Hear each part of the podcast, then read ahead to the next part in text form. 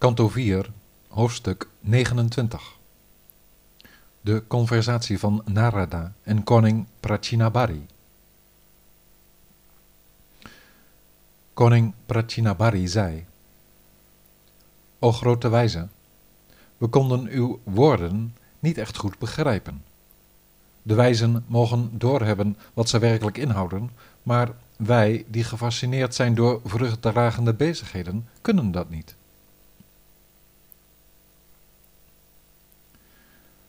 Narada zei: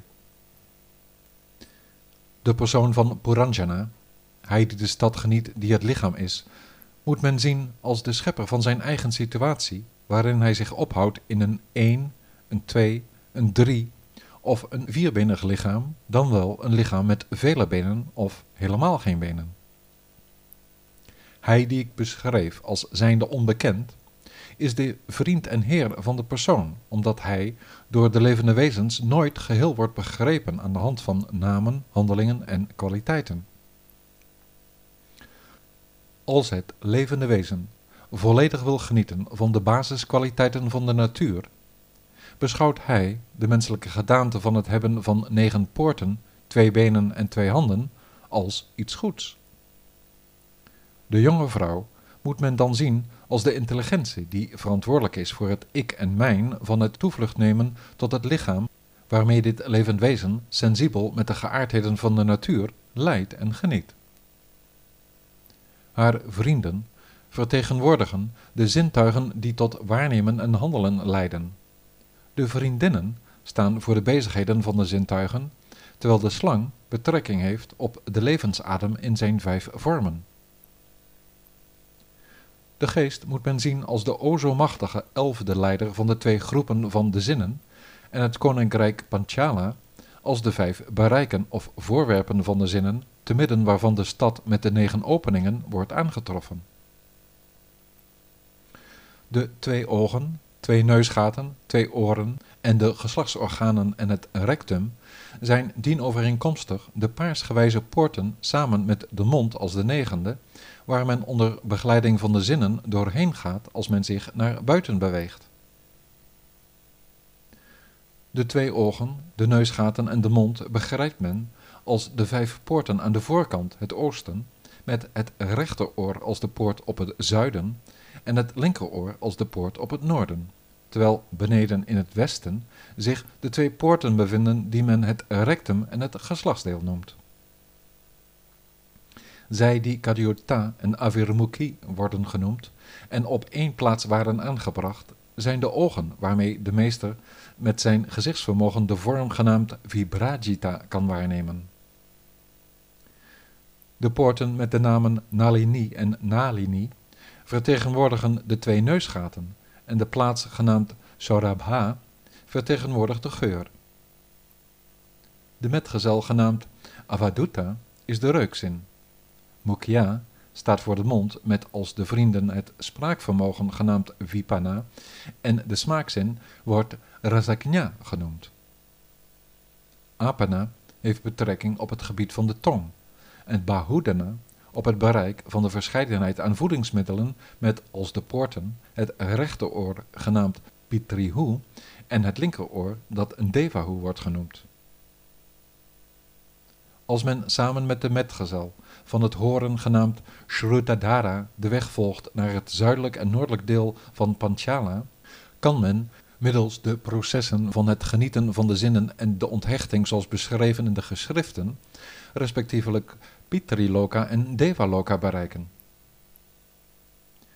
Naast de poort van het rectum, genaamd Niriti, is er aan de onderkant het geslachtsdeel genaamd Asuri, dat de poort vormt voor de seksualiteit van de gewone man, die in het gebied Gramaka zich aangetrokken voelt tot de geslachtsdaad, die de vriend Durmada wordt genoemd.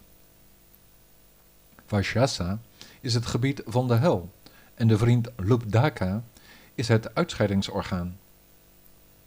De blinden waar je vervolgens van mij over vernam, zijn de benen en de handen waarmee de mensen aan hun werk beginnen. De privévertrekken worden gevormd door het hart en de dienaar, genaamd Vishuchina, is het denken waarvan de materiële kwaliteit naar verluid in illusie, bevrediging of uitbundigheid resulteert. Zo gauw het denken wordt geprikkeld en activeert in samenhang met de natuurlijke geaardheden, laat de individuele ziel, die in feite de waarnemer is, zich door die activiteiten meeslepen. Het lichaam is de strijdwagen die met de zintuigen als de paarden in feite niet vooruitkomt in de loop van de jaren. De twee wielen vormen de activiteiten van het baatzuchtig handelen en de vroomheid. De vanen zijn de drie basiskwaliteiten van de natuur en de vijf steunen zijn de vijf soorten adem.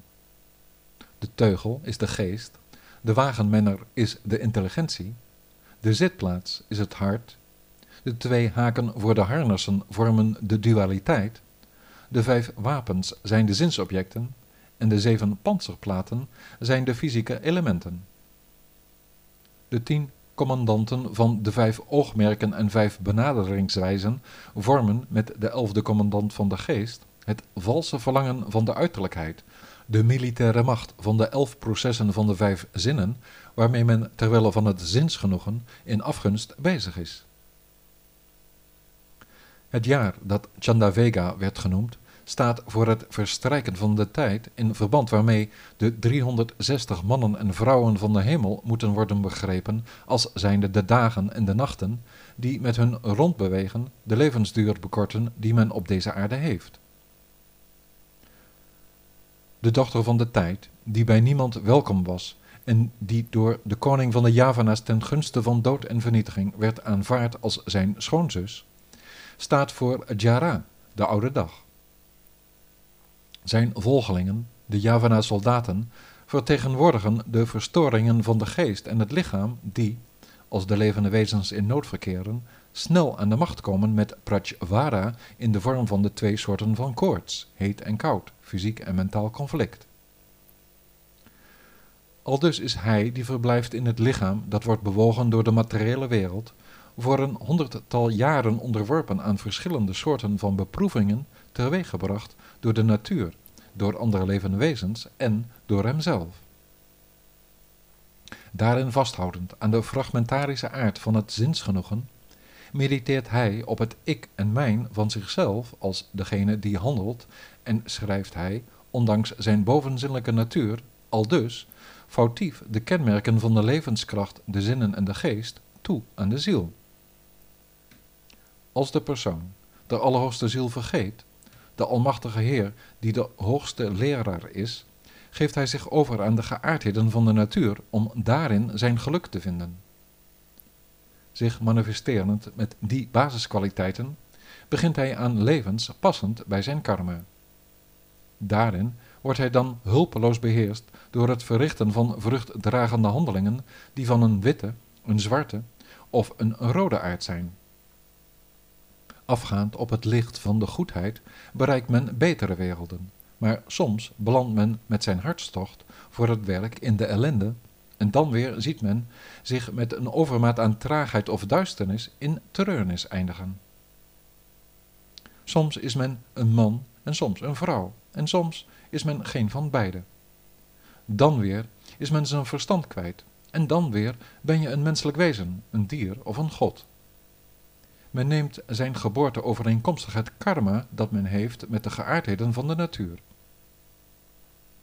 Als een zielige hond die geplaagd door de honger van huis tot huis rondzwerft om dan weer beloond en dan weer gestraft te worden, reikt het levend wezen met zijn najagen van verschillende soorten van hogere en lagere verlangens tot het hoge en lage, of bewandelt hij een middenweg en bereikt hij zo door zijn lot bepaald dat wat aangenaam is of niet zo aangenaam, de hemel of de hel.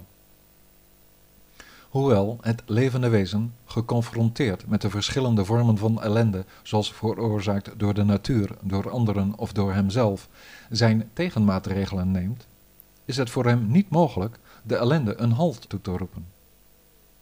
Hij doet in werkelijkheid niet meer dan wat een man doet die een zware last op zijn hoofd draagt en die last naar zijn schouderen verplaatst. Alles wat hij, o zonderloze, in staat van illusie denkt te kunnen doen, is een droom tegengaan met een andere droom. Het bestrijden van de ene karmische handeling met de andere vormt geen definitieve oplossing. Alleen als je beiden tegenwicht biedt, is dat het geval.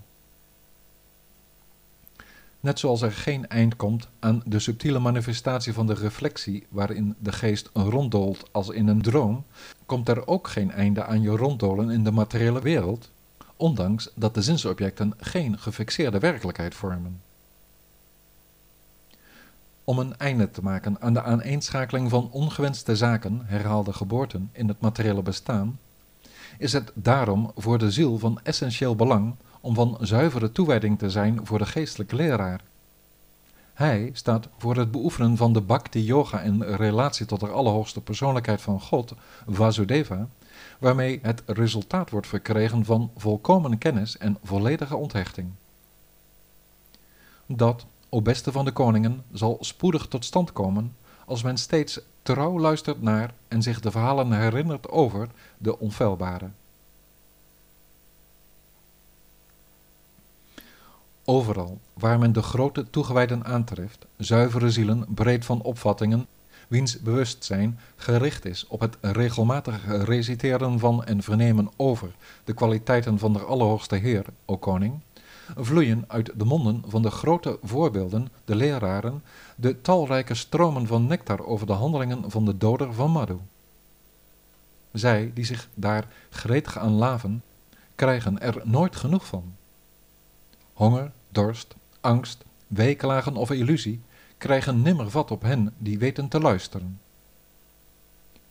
De geconditioneerde individuele ziel echter, die het steeds moeilijk heeft met wat de natuur hem biedt aan angsten, pijnen, zorgen, etc., voelt zich niet aangetrokken tot een nectar-oceaan van verhalen over de Heer. Brahma zelf, de vader van de stamvaders, Heer Shiva, Manu, de bestuurders van de mensheid onder leiding van Daksha, gestrenge celibatairen aangevoerd door Sanaka, Marichi, Atri en Angira, Pulastya, Pulaha, Kratu, Brigu, Fascista en ikzelf, tenslotte, zijn allen goed ingevoerde, gezaghebbende Brahmaanse sprekers. Hoewel we inzicht hebben dankzij onze meditatie, kennis van zaken en verzakingen, kunnen we de ziener zelf, de beheerser in het voorbije, niet doorgronden bezig met het luisteren naar de onbegrensde geestelijke kennis en met het in mantra's bezingen van de heerlijkheden van de enorm uitgebreide deelvermogens, de halfgoden, kent men nog niet de Allerhoogste. Als hij, die zo vol van genade is, de Allerhoogste Heer, door een ziel wordt gerealiseerd, geeft zo iemand zowel zijn wereldse gezichtspunten als zijn gehechtheid aan Vedische rituelen op. O mijn beste Prachinabari, Beschouw daarom nooit onwetend de schone schijn van het vruchtdragend handelen als je levensdoel. Ook al klinkt het vergaren nog zo mooi in je oren, het ware belang is er niet mee gediend. Minder intelligente zielen spreken over de vier Veda's in het belang van rituelen en plechtigheden, maar zulke mensen weten niet wat de ware strekking van de Veda's is. Ze hebben er geen idee van waar ze de wereld van Heer Janardana moeten zoeken die met uw zonen, de Pracheta's, de ganse aarde bedekt hebt met het kusha-gras dat naar het oosten wijst, ontleent grote trots aan alle doden van de offerdieren en denkt van uzelf dat u zeer belangrijk bent. Maar u weet niet welk werk u te doen staat, met welke arbeid u de allerhoogste persoonlijkheid van God tevreden stelt, met welke kennis, welke scholing er het bewustzijn van hem is. De Allerhoogste Heer zelf is de superziel van allen die een materieel lichaam hebben aanvaard. Hij is de beheerser van de materiële natuur. Zijn voeten vormen de toevlucht waarmee alle mensen in deze wereld hun geluk vinden.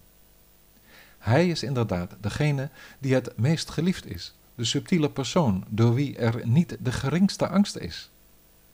Alleen hij verkeert volkomen in kennis.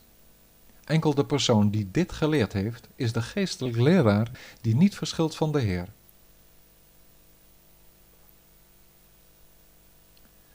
Narada zei: Aldus heb ik uw vragen beantwoord, o man van wijsheid, Luister nu naar de gevestigde mening van de wijsheid omtrent een vertrouwelijk onderwerp die ik u nu ga toevertrouwen. Stelt u zich een hert voor dat veilig met zijn hinde zijn gras staat te grazen in een veld vol bloemen. Ongestoord zijn gang gaand, met in zijn oren de bekoring van het lied van de hommels, is hij zich er niet goed van bewust dat zich voor hem tijgers bevinden die snel willen toeslaan, en dat er zich achter hem een jager ophoudt die op zoek is naar een kans om hem met zijn pijlen te doorboren.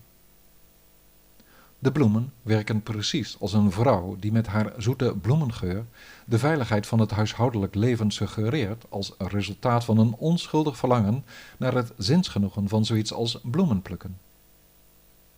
Zo bevredigt men, zoals het hert, zijn verlangens in het altijd met de echtgenote verzonken zijn in gedachten aan seksuele bevrediging en in de geneugten van de tong. Het geluid van de verschillende hommels, dat zo aangenaam in de oren klinkt, kan je vergelijken met de al zo aantrekkelijke praatjes waarmee je vrouw allereerst en waarmee ook je kinderen je geest volledig in beslag nemen. De tijgers voor hem staan samen voor al de momenten van de dagen en de nachten die, met het genieten van het huishoudelijk bestaan, onopgemerkt iemands levensduur bekorten. En achter hem, zich ervan verzekerend niet te worden gezien, sluipt de jager als de opzichter van de dood, door wiens pijl iemands hart in deze wereld wordt doorboord. Stelt u zichzelf nu voor als degene wiens hart wordt doorboord, o koning. Verplaats u in het bewustzijn van dat grazende hert en geef de fixatie op met wat u in uw hart zozeer koestert. Geef dat idee en die verhalen van het huishoudelijk bestaan op, dat zo abominabel vol is van seksuele beslommeringen, en wees, geleidelijk aan onthecht rakend, enkel uit op de toevlucht van de bevrijde zielen.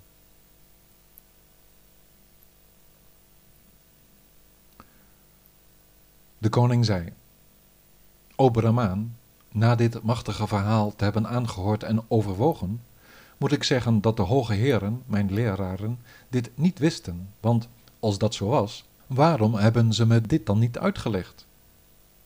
Maar mijn twijfels over hen, o Brahmaan, hebt u al pratend weggenomen. Zelfs de grootste wijzen die vrij zijn van sensuele handelingen, kan het mankeren aan bewustzijn. Iemand die zijn lichaam opgeeft om een ander lichaam in een volgend leven te genieten, moet de gevolgen onder ogen zien van het karma dat hij in dit leven heeft opgebouwd. Zo kent men de bewering van de Vedische geleerden, die luidt: Van alles wat men in het leven doet, ziet men niet direct de gevolgen in.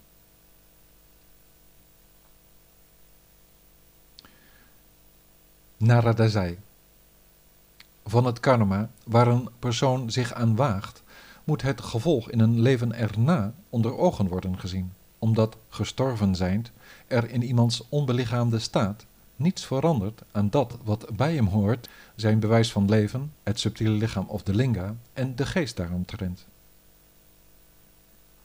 Zoals een persoon in bed liggend en ademhalend, met het loslaten van het grofstoffelijke in zijn geest dromend, de handelingen ondergaat waar hij zich wakend mee inliet, zo vergaat het hem ook in een gelijksoortig of ander dierlijk lichaam of een andere wereld waarin hij reïncarneerde na zijn dood. Wat dit mijn van de geest ook allemaal mogen inhouden in de aanname van een ik, neemt het levend wezen met zich mee als de werklast die hij verwierf en met dat karma begint hij opnieuw aan een materieel bestaan zoals iemands geestesstaat het gevolg is van wat hij zintuigelijk ervaart en wat hij in reactie doet, wordt men op dezelfde manier geestelijk gekenmerkt door geneigdheden die het resultaat zijn van fysieke handelingen verricht in een voorgaand leven. Soms doen men willekeurige beelden op voor je geestesoog, zonder dat je die beelden ooit eerder hebt gehoord, gezien of ervaren. O koning, Neem van me aan als ik u zeg dat voor een levend wezen dat geplaatst wordt voor een levenskenmerk dat zich zo opwerpt in het lichaam, zich geen enkel ding in de geest kan voordoen dat niet al eens eerder werd geprobeerd, ervaren of begrepen. De geest die een mens heeft, vormt een aanduiding van welke gedaanten hij heeft aanvaard in het verleden en, ik wens u al het beste toe, in een toekomstige geboorte zal aannemen, als ook of hij niet opnieuw geboorte zal nemen. Wat iemand gedaan heeft in een andere tijd of op een andere plaats, kan dus worden afgeleid van de beelden die men soms heeft in de geest, van dingen die men in dit leven nog nooit eerder heeft gehoord of gezien. Alles wat middels de zinnen wordt waargenomen, kan zich op verschillende manieren in opeenvolging ordenend opwerpen in en weer verdwijnen uit het hart. Ieder mens is begiftigd met een geest vol van indrukken uit het verleden. Met de fortuinlijke steeds aan je zijde verkerend, in een geest van zuivere goedheid, vrij van hartstocht en onwetendheid, zal de wereld om je heen, het zogenaamde hier en nu, die met al die indrukken kan zijn als met de donkere verschijning van de nieuwe maan, ook wel Rahu genaamd met een eclips, al dus verbonden, zich glashelder aan je openbaren. Van dit bewustzijn, dat al dus vrij is van ik en mijn, is een persoon gescheiden, zolang de eeuwige inwoner een afzonderlijke structuur van materiële kwaliteiten vormt, bestaande uit intelligentie, geest, zinnen en zinsobjecten. Diep in slaap, als men flauw valt of als men in een shocktoestand verkeert, valt de ademhaling stil en houdt de kennis van en het denken aan een ik op. En dat is ook zo als men hoge koorts heeft of doodgaat. Precies zoals de maan niet wordt gezien als die nieuw is, kan men ook niet de linga, het zelf van de levenskenmerken, het subtiele lichaam of ego van een jong iemand in de baarmoeder en in de vroege jeugd waarnemen, omdat de elf van de zinnen en de geest nog onvolgroeid zijn. Net zoals ongewenste zaken in een droom hun beloop moeten hebben totdat men ontwaakt, komt er voor een ziel die zich steeds op zinsgenot richt, ondanks dat de zinsobjecten geen gefixeerde werkelijkheid vormen, ook geen einde aan zijn ronddolen in een materieel bestaan. De individuele ziel, de jiva, begrijpt men als een combinatie van de levenskracht met het door de drie geaardheden bestuurde en in zestien geëxpandeerde subtiele lichaam van de levenskenmerken, de linga. Hiermee, met deze linga, verwerft de persoon materiële lichamen die hij ook weer achterlaat en komt hij al dus lichamelijk omhuld tot plezier, weeklagen, angst, misère en geluk. Net zoals een rups niet verdwijnt als hij zijn lichaam moet opgeven om een vlinder te worden, verdwijnt ook een mens niet, zolang hij zich identificeert met het lichaam dat hij had, als hij sterft na het beëindigen van zijn materiële activiteiten. Omdat de geest, meegevoerd door de linga, heerst over de mens, vormt die de oorzaak van het materiële voortbestaan van al de geschapen belichamingen. Als men uit op resultaten, steeds tot de dood erop volgt, doorgaat met handelingen ter wille van het zinsgenoegen, raakt men door de begoocheling van die daden karmisch gebonden aan een ander fysiek lichaam. Hou u, om dat tegen te gaan, daarom met hart en ziel bezig met het toegewijd dienen van de Heer en beschouw daarbij de kosmische manifestatie als zijnde beheerst door Hem, van wie er handhaving, schepping en vernietiging is.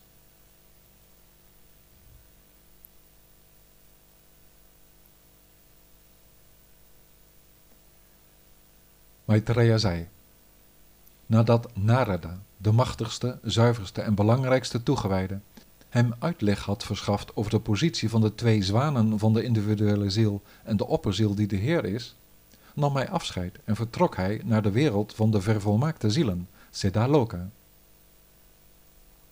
Met het achterlaten van instructies voor zijn zoons om de zorg voor de gewone man op zich te nemen, vertrok Prachinabari, de wijze koning, toen ter wille van zijn verzakingen naar de geestelijke verblijfplaats van Kapila. Aldaar, met een eenpuntige geest sober levend aan de lotusvoeten van Govinda, slaagde hij, onophoudelijk hem vererend, erin zich te bevrijden van zijn gehechtheden en middels zijn toewijding op te gaan in de ene werkelijkheid. O zonderloze, in ieder die luistert naar of een beschrijving geeft van deze gezaghebbende geestelijke lering zoals uiteengezet door Narada, zal verlost raken van de lichamelijke levensopvatting van de linga.